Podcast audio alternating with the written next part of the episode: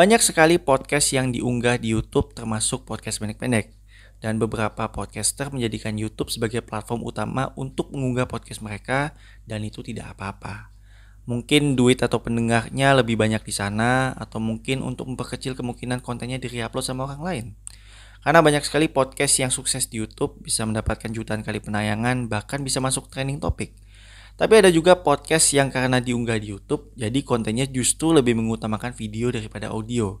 Dan yang bersangkutan menyebut itu sebagai podcast. Padahal podcast itu yang diutamakan adalah audio. Ada atau tidaknya video itu tidak mempengaruhi keseluruhan isi dari suatu podcast. Jadi pendengar itu masih bisa memahami atau bahkan menikmati suatu podcast. Kalau pendengar harus menonton video untuk bisa memahami atau bahkan menikmati suatu konten, itu namanya bukan podcast dan jangan disebut sebagai podcast, tapi sebutlah itu sebagai konten video. Seperti itu. Sampai sini paham saudara-saudara? Kalau ada yang tidak paham, ya ya sudah tidak apa-apa.